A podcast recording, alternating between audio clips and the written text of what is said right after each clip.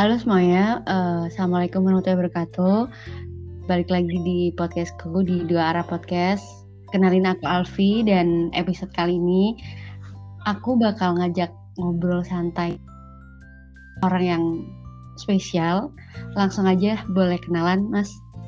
Oh, siap, siap. Kenalin sendiri apa gimana nih? Boleh, boleh kenalan sendiri aja. Oke, oke teman-teman, nah, namaku Denny Rafiki. Aku mahasiswa juga yang masa 22, 22 SKS. Semester masih muda, semester 8. Itu aja sih asli Jember. Oke, nah jadi uh, aku sama Mas Denny akan ngobrol-ngobrol banyak hal, kita random aja Mas ya. Mm -hmm. Jadi buat teman-teman semuanya stay tune di sini. Oke. Okay.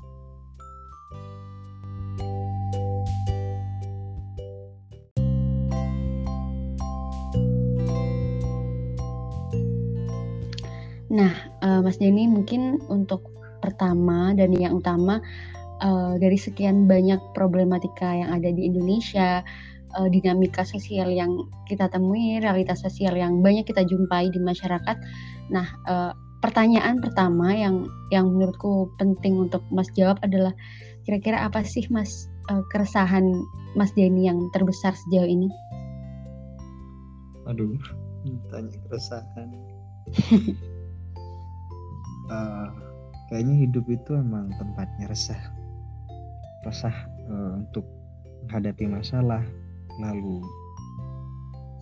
kesulitan kita untuk terus bergerak, itu yang yang yang perlu di di garis bawahi adalah resah bukan berarti kita harus mundur.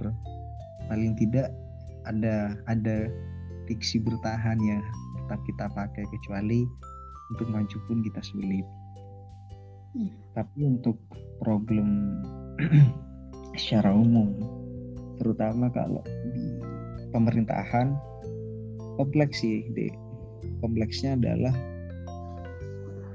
kita nggak pernah punya pola baru masalah-masalah baru. Tapi ini adalah masalah primordial yang tetap uh, menggejala di ruang-ruang publik. Terutama apa pun yang terjadi pra kemerdekaan atau setelah kemerdekaan era orde lama orde baru bahkan pasca reformasi yang paling nampak tuh orang sipil nggak punya akses ke atas. Jadi kita secara horizontal dikendalikan oleh negara, tapi pada prinsipnya negara yang menggunakan trias politika dengan aksen legislatif sebagai parameter dan mediator kita untuk sampai ke ke tingkat pusat ini kita ter, ter di blokade sih kalau kalau aku bilang di blokade karena apa yang menjadi keresahan apa kegelisahan atau kesangsian orang-orang sipil masyarakat sipil tidak bisa dimuat dalam berita besar di publik. Ya kita tahulah hari ini negara kita itu bangkrut. Bangkrut karena ya satu karena pandemi. Dan yang kedua negara nggak bisa menyelesaikan pandemi sebagai uh, penyakit iya terus kuman iya atau apa pun lah karena sifatnya pandemi ini tidak hanya bisa dilihat sebagai problem kesehatan tapi ada dampak-dampak besar terutama dampak ekonomi, kebebasan sipil, eh, politik, budaya, agama bahkan. Dia menjalar ke sekarang sana semua. Tapi ada satu hal yang harus kita ingat. Jaminan hak asasi manusia itu yang tidak pernah selesai sampai pasca reformasi Jokowi ini. Oke, okay, oke. Okay. Uh, eh, ini sih kalau dari apa yang Mas paparkan barusan aku tertarik berkaitan dengan uh, Mas menyinggung pra reformasi dan pasca reformasi. Nah, dari sekian banyak babakan sejarah yang sudah kita alami, uh, yang aku pernah lihat, ya sorry, yang pernah aku baca bahwa sejarah itu ditulis oleh pemenang ya Mas ya. Hmm. Apa yang kita pelajari sekarang di sekolah di jenjang pendidikan sejak SD, SMP, SMA adalah sejarah yang memang sudah diskenariokan dan ini yang mungkin membuat kita apa ya secara secara general memahami bahwa sejarah itu ya memang demikian adanya padahal banyak sekali hal-hal yang sebenarnya tidak kita ketahui. Nah, uh, gimana Mas menanggapi ini? Aduh, kalau itu karena kita untuk mendapatkan akses sejarah itu lewat pendidikan, maka sistem pendidikan kita masih sangat kolonial. Ini aku mau okay. dari Orde Baru aja sih, biar gak terlalu jauh. Ada satu okay. itu judul uh, Politik Bahasa Benedict Anderson, ditulis sama Joseph Bisono. Di sana menjelaskan bahwa era Orde Baru dia tidak hanya memakai represi dan koersi, tapi lebih dari okay. itu dia menggunakan bahasa sebagai alat penipu kepada masyarakat sipil agar mereka lebih percaya terhadap sejarah versi Orde Baru. Kita sebut ada tragedi G30 SPKI.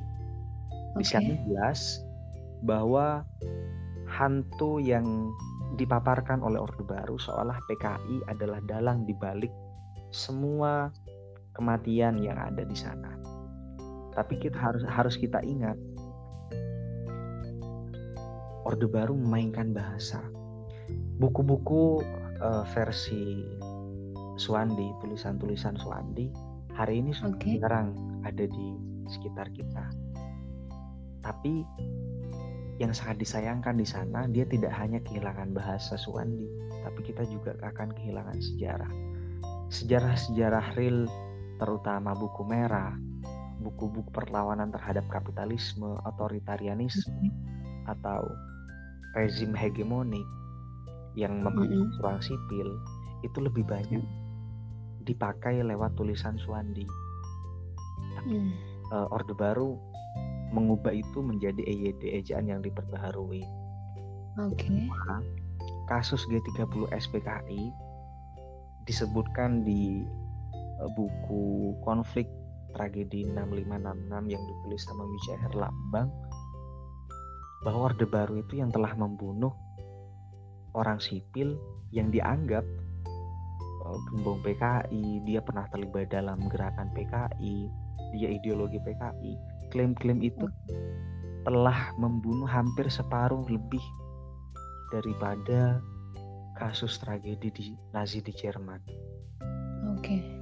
Tapi kenapa hari ini kita dipaksa untuk percaya terhadap satu kebenaran tunggal bahwa Baru hmm. seolah adalah patriot yang hmm. menyelamatkan hmm. kemanusiaan.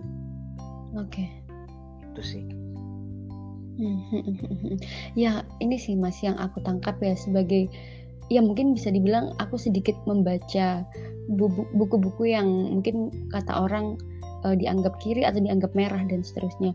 Tapi memang uh, klaim-klaim yang Mas sebut tadi itu benar-benar masih terasa sampai sekarang. Kayak misal aku ke kampus, uh, aku bawa buku yang itu penulisnya kita sebut saja Tan Malaka atau siapa pun itu ada beberapa teman yang merasa eh kamu nggak perlu loh baca buku itu nah klaim klaim-klaim yang udah melekat dalam diri mereka doktrin-doktrin dari mungkin pendahulu-pendahulu mereka entah itu siapa itu yang bikin ya kita di, apa ya dibatasi oleh uh, paradigma yang sebenarnya ya tidak sepenuhnya benar gitu kan mas? Betul. Tabu ya. Mm -mm, mm -mm itu yang uh, bikin aku kadang kenapa kita harus membatasi diri kita padahal kita juga belum baca buku itu kita belum tahu apa isinya. Tapi kenapa kita lantas menyimpulkan bahwa ketika kita baca buku A automatically kita akan uh, menjadi pro komunisme dan seterusnya. Padahal juga uh, tidak sejauh itu. Kalau kata teman-teman tuh yang paling laku dijual di Indonesia hanya ada dua radikalisme dan komunisme Iya, itu yang yang yang laku, paling laku dijual. Sehingga apa yang terjadi sampai hari ini? Oke, mahasiswa 98 berhasil mengembangkan rezim Orde Baru. Tapi Oke. belum berhasil menumbangkan ideologi otoritarian waktu itu. Hmm. Untuk tidak mengatakan rezim Orde Baru adalah rezim fasis, tapi mayat-mayat yang bergelentangan di jalan, mereka yang ditembak mati, aktivis politik, aktivis HAM, aktivis sosial, bahkan mahasiswa. Ia seolah mengafirmasi bahwa apa yang sebenarnya 32 tahun ditanamkan oleh rezim Orde Baru, dia tidak hanya menumbalkan nyawa, tapi telah menumbalkan kebenaran tunggal. Seolah kalau kita nggak lihat film G30 SPKI ketika bulan September, kita tidak nasionalis, kita pro PKI, kita pro komunis. Salahkah ketika kita baca buku merah, buku yang sebenarnya menentang kapitalisme global, yang nyatanya negara kita sendiri sedang memelihara itu. Oke. Itu yang yang eh,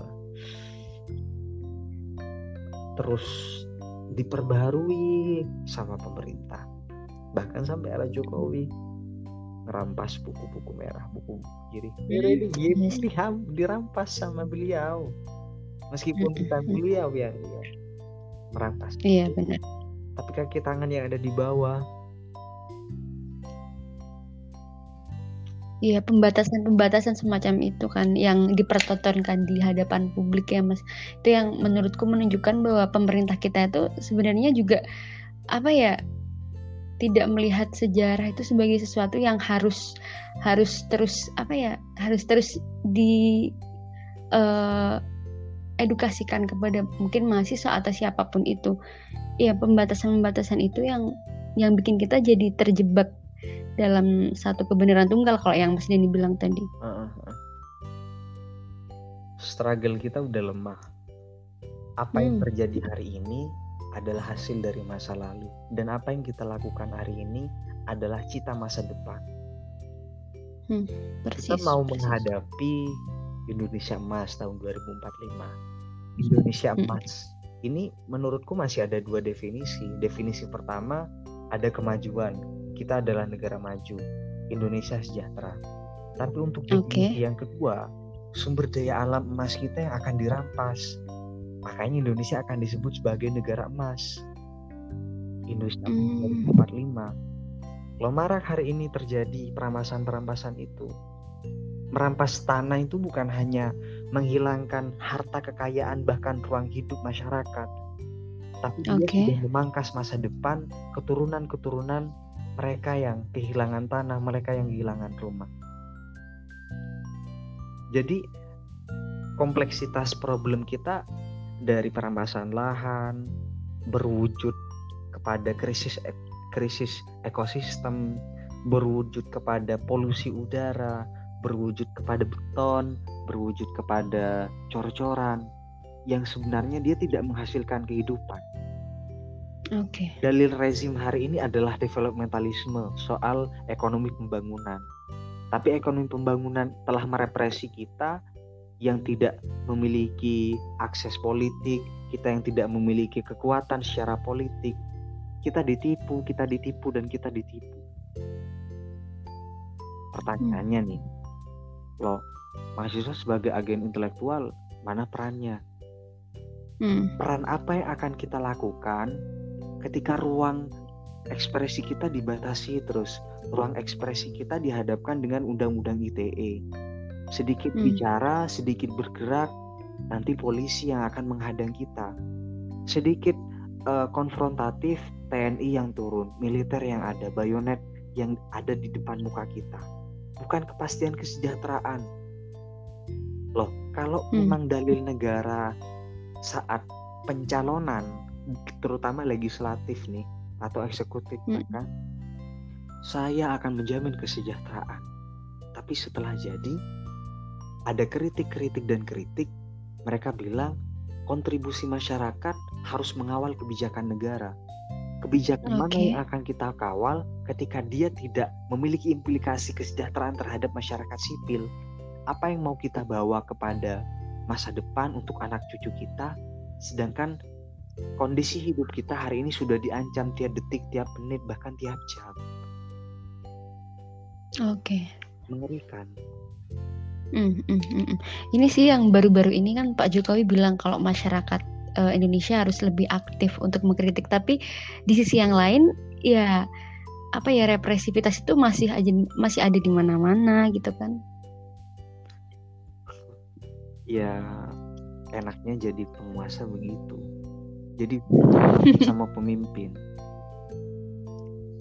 Definisinya beda penguasa sama pemimpin ya aku nggak nggak memaksa uh, kita semua untuk untuk menganggap bahwa rezim Jokowi itu adalah rezim paling paling bengis atau orde baru dan sebagainya tapi dampak dampak okay. buruknya itu yang yang membuat kita seolah kompetensi mereka untuk memimpin negara di mana mereka yang dahulu menanamkan keyakinan kepada kita untuk dipilih dan dipercaya memimpin negara ke depan ternyata menipu saat ada di belakang kita.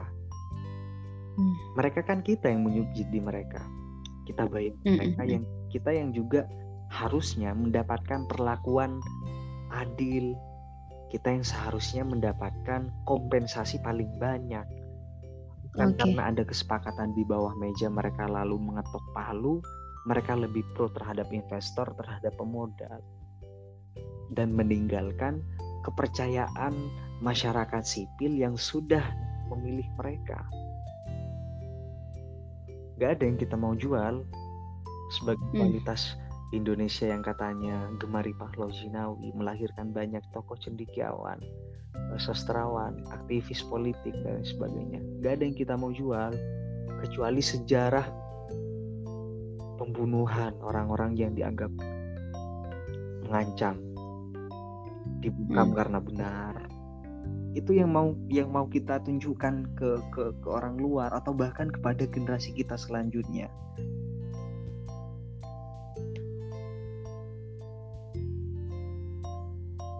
Tapi sebenarnya yang orang-orang kita butuhkan yang masyarakat kita butuhkan adalah untuk makan besok itu ada gitu kan mas. Sebenarnya sederhana itu.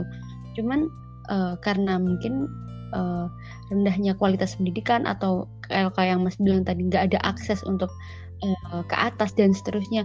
Ini yang bikin seolah-olah ya kita powerless gitu kan. Mm-hmm. kita mesti kita mesti ngapain kita juga nggak tahu uh, cari kerja besok. Dengan segala ketidakpastiannya terlebih di masa pandemi yang yang sekarang serba sulit.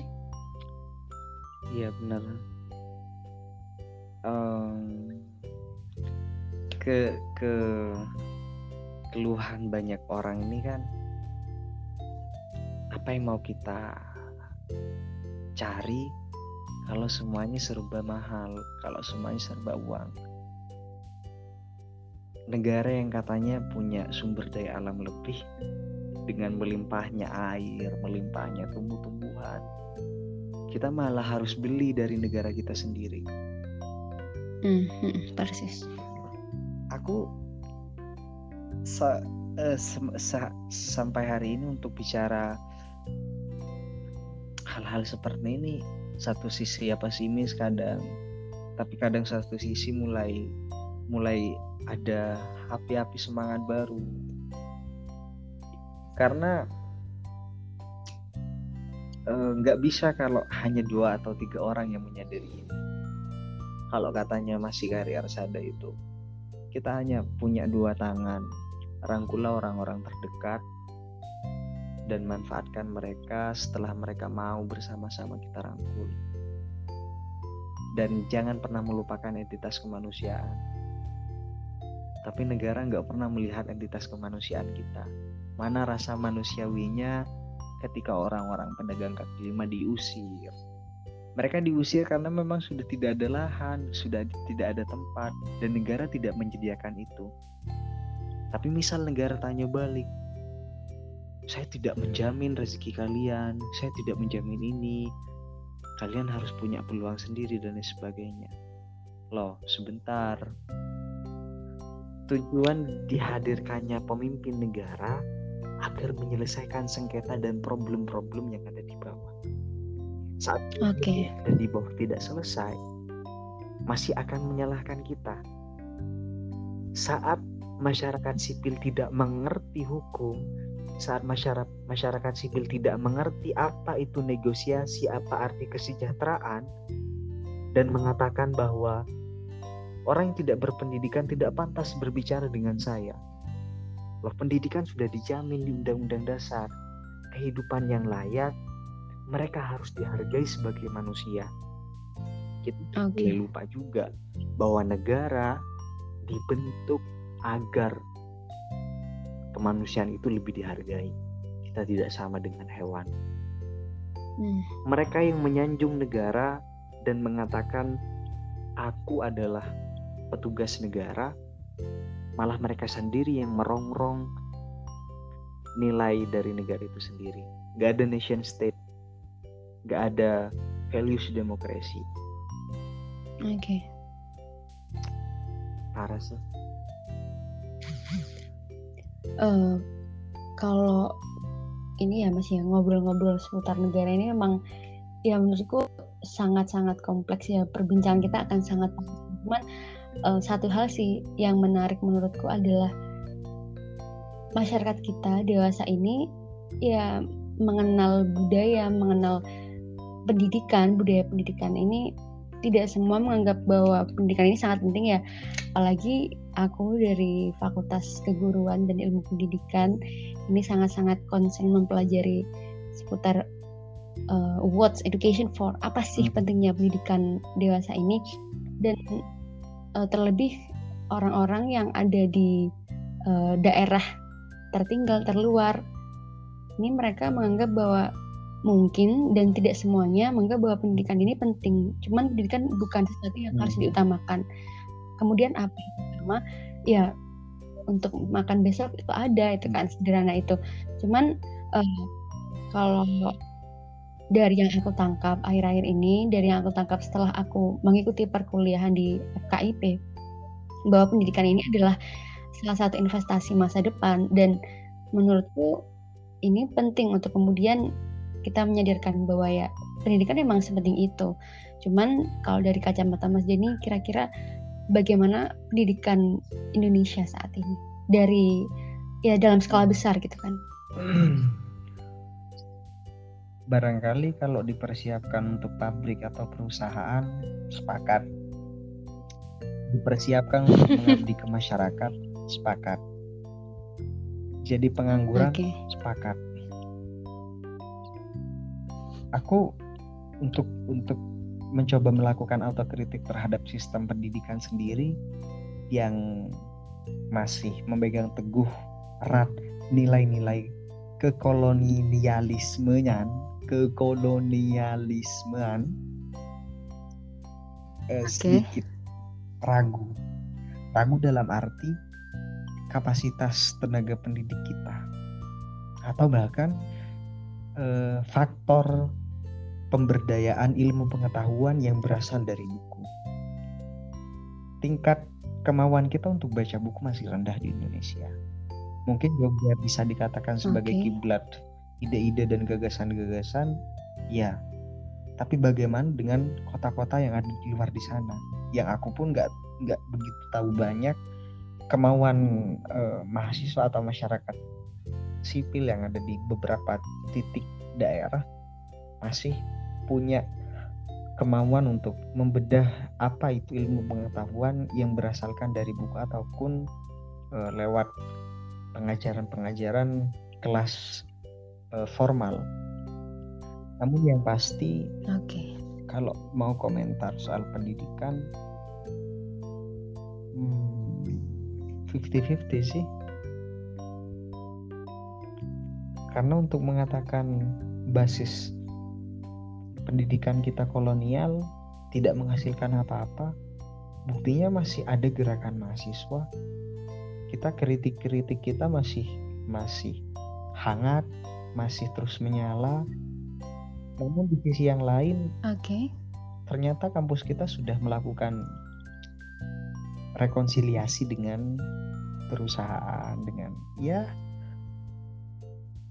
ada ada relasi kuasa yang yang ada di sana ada relasi kuasa yang terus bergerak yang terus melakukan stimulus bahwa pendidikan nanti kamu harus kerja harus ini ini ini katanya bagi mereka yang hmm. yang pragmatis hmm. untuk mencari uang uang memang bukan segalanya tapi semua butuh uang bahkan pendidikan pun dengan harga mahal Bersih. tidak hanya hanya dihargai dengan hmm. terima kasih nggak hanya bisa dihargai dengan jabat tangan nggak hanya bisa dihargai dengan sambutan kopi. Hanya begitu. Oke okay, okay. tapi kalau balik lagi dengan apa sih hakikat pendidikan dan lain sebagainya sederhana. Mengangkat harkat martabat kemanusiaan dan memanusiakan manusia. Tapi siapa yang hari ini mengerti arti kemanusiaan? Karena kita sendiri bingung dengan definisi kemanusiaan daripada kemanusiaan itu sendiri. Oke. Jadi kita selalu apa ya berusaha untuk menemukan definisi-definisi baru berkaitan dengan apa itu manusia, bagaimana potret manusia yang ideal tanpa pernah kita berusaha mengimplementasikan bagaimana menjadi manusia yang seharusnya gitu kan Mas. Karena mungkin aku nggak cukup capable untuk berbicara soal pendidikan, tapi sedangkan yang aku tahu pendidikan kita sekarang ya hmm. memang konvensional memang ya mas warisan kolonial gitu kan kayak misal di dalam kelas aku secara pribadi juga masih mencari-cari kira-kira nanti ketika aku jadi guru uh, bentuk pengajaran apa yang akan aku berikan kalau dari buku yang sempat uh, kita obrolin waktu itu ya mas pendidikan kaum tertindas posisi guru seolah-olah sangat superior. Bukan seolah-olah ya, memang guru diposisikan sangat superior. Guru selalu uh, memberikan ibaratnya uh, kalau kata Freire itu menabung ya, guru menabung kepada siswa, kemudian siswa diminta untuk uh, retelling, diminta untuk menceritakan kembali dengan uh, mungkin dengan konsep yang sama, dengan cara penyampaian yang sama, tanpa pernah memberikan uh, kesempatan bagi siswa untuk mengekspresikan. Padahal ya di situlah pendidikan ya. Pendidikan adalah bagaimana kita menstimulus siswa. Kalau dalam dalam buku Freire bagaimana kita menstimulus siswa, bagaimana kita uh, memicu perkembangan siswa untuk terus berpikir, untuk terus mempertanyakan, untuk berani menyuarakan pendapat. Tapi yang ada sekarang adalah dalam kelas ya sederhananya. Dalam kelas uh, guru mendikte siswa, kemudian siswa mengiyakan tanpa pernah punya keinginan untuk mengkritisi, mempertanyakan karena ya akan ada judgmental dari siswa yang lain ketika kita mulai kritis ya. Ketika kita mulai kritis, mungkin ada beberapa orang yang udahlah kamu tuh terima aja bapak atau ibu guru yang ada di depan ini dia udah lebih lama uh, belajar ilmu ini atau mungkin dari guru itu sendiri bahkan dia merasa bahwa kebenaran hanya ada dari dirinya dan uh, kebenaran yang disampaikan tidak bisa dibantah. Menurutku pendidikan semacam ini yang yang ya harus kita rubah. Tapi ini paradoks juga karena ketika kita mulai berusaha untuk membentuk siswa menjadi pribadi yang kritis, ini akan mengancam kita sebagai guru juga karena di satu sisi kita memang sedang belajar, tapi dalam waktu yang bersamaan kita sebenarnya juga juga sedang belajar gitu kan, Mas? Iya. Yang masih melekat ini kan ada gium di sekolah-sekolah formal mereka yang paling tua, mereka yang lebih dulu mencicipi, mencicipi garam, dianggap lebih paham dan lebih berpengalaman. Ya, Persis. Tentu kalau bagi kita nih yang masih punya kemauan untuk melakukan kritik, kritik dan kritik, jaminan mereka yang lebih tua tidak memiliki label bahwa mereka bisa mendaku dirinya sebagai representasi orang yang pintar, orang yang cerdas, orang yang dianggap lebih tahu. Karena akumulasi hal-hal yang seperti itu benar-benar tidak ilmiah. Ini kan masuk juga dalam problem kompleks kenegaraan kita kalau kalau yang kita bahas soal problem keindonesiaan terutama. Kabar yang paling membuat hati kita tersentuh dan harus benar-benar menepuk dada kawan kita adalah kenapa Jawa itu terus-terusan menjadi daerah atau pusat yang dianggap lebih maju. Dan seolah-olah juga Oke. negara itu hanya menyoroti daerah-daerah yang nampak. Daerah nampak yang mudah diakses. Sehingga kabar Papua hilang. Mereka mengalami ancaman atau bahkan sampai pada relasi. Referendum mereka menolak opsus 2 tidak ada kesejahteraan akses pendidikan masih sulit. Kondi- belum lagi bicara kondisi ekonomi di sana. Sebabnya mungkin kalau aku boleh boleh sedikit ngasih stimulus atau kerangka yang lebih real relasi pendidikan dengan faktor kesejahteraan adalah sesuatu yang sangat elementer. Kenapa aku katakan elementer? Oke. Jaminan menjadi orang pendidikan memang tidak sepenuhnya memberikan implikasi atau dampak yang baik terhadap lingkungan. Tapi setidaknya mereka bisa mengedukasi diri mereka sendiri untuk sadar dan mau tahu mana yang benar dan mana yang salah, mana yang baik, mana yang buruk. Dia berhasil memetakan distorsi itu. Tapi kalau pendidikan belum berhasil mengedukasi diri mereka sendiri, kita tidak perlu jauh-jauh bicara pendidikan sebagai faktor pokok, faktor fundamen untuk menjamin kesejahteraan. Sebab mereka yang menjadi siswa, mereka yang menjadi tokoh intelektual berada di lingkar akademik belum mampu menyelesaikan masalahnya sendiri, belum bisa mengedukasi dirinya sendiri.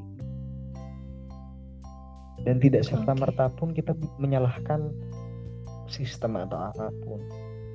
Karena apa yang ada di luar diri kita sebagai faktor X menurutku lebih besar dampaknya ketika faktor internal mau merubah sudut pandang yang ada di eksternal. Itu deh. Hmm. Oke oke.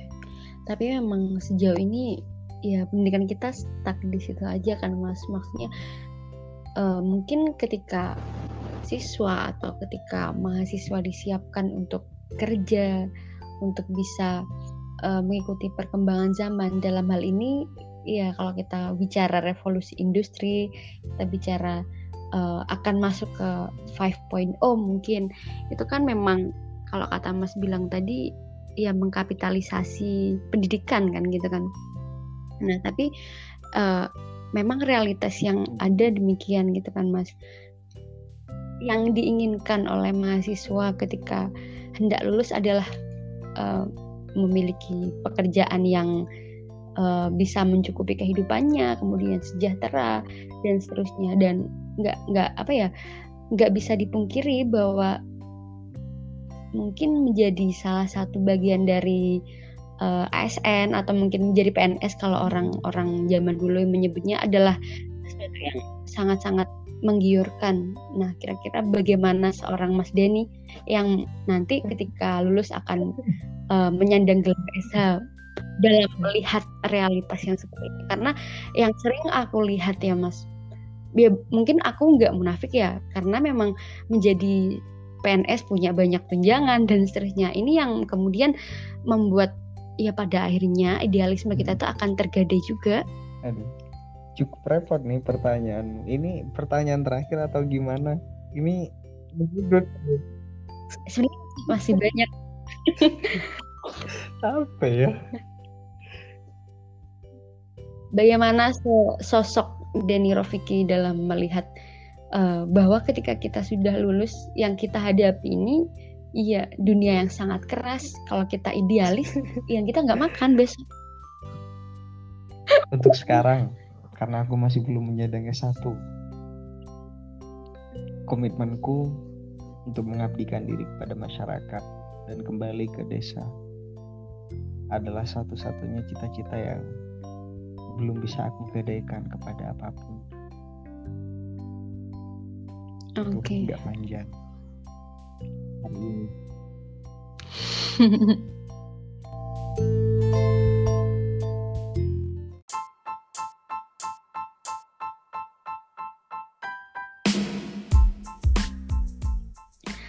Oke teman-teman, uh, jadi tadi aku sama Mas Denny udah ngobrol lumayan panjang, 30 menit dan itu sangat-sangat substantif aku kira. Jadi untuk uh, episode kali ini, oh sorry untuk segmen kali ini, mungkin aku pengen minta closing statement dari Mas Denny untuk merangkum apa yang udah kita uh, perbincangkan tadi berkaitan dengan uh, pendidikan dan seterusnya. Atau mungkin apa pun yang ingin Mas sampaikan uh, apa ya langsung closing statement ya oke okay. Bayarnya berapa ini mbak kita bayar terima kasih ya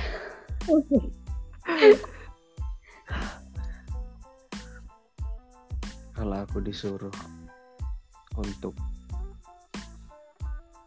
mengabdi kepada negara, aku akan mengabdi kepada negara. Kalau aku disuruh untuk mengabdi kepada rakyat, aku akan mengabdi kepada rakyat. Kalau aku disuruh mengabdi kepada keluargaku, aku akan mengabdi kepada keluargaku. Tapi satu, saat aku disuruh untuk mengabdi pada kekuasaan yang menindas, maka yang aku akan panggil pertama kali adalah orang-orang yang telah dibunuh di masa lalu. Itu sih. Beri tangan dong, prak-prak. Jadi uh, ngobrol sama Mas Dian ini emang nggak bisa apa ya pingin terus mikir. Oh, beneran jadi apa ya obrolan yang seru itu kalau menurutku kalau kita nggak kerasa ngobrol udah sekian menit tapi pengen tetap terus ada yang diobrolin. Nah mungkin uh, untuk menyambung obrolan kita di episode pertama ini akan ada episode-episode berikutnya bareng sama Mas Jenny kita bakal ngobrolin banyak hal. Mulai dari mungkin uh, eh, HMI karena ya FYI Mas Jenny ini adalah uh, salah satu emoti Master of Training di Badan Pengelola Latihan di uh, eh, HMI cabang Jember. Dan beliau juga ketua umum di Komisariat Al-Fatih. Kira-kira gitu. Jadi mungkin akan kita agendakan gitu ya Mas untuk ngobrol di di lain topik. Dan aku terima kasih karena Mas Dini udah bersedia uh, ngobrol ngalor itu. terima kasih buat semua yang udah dengerin obrolan kita. Sekian dan Assalamualaikum warahmatullahi wabarakatuh. See you. Waalaikumsalam warahmatullahi wabarakatuh.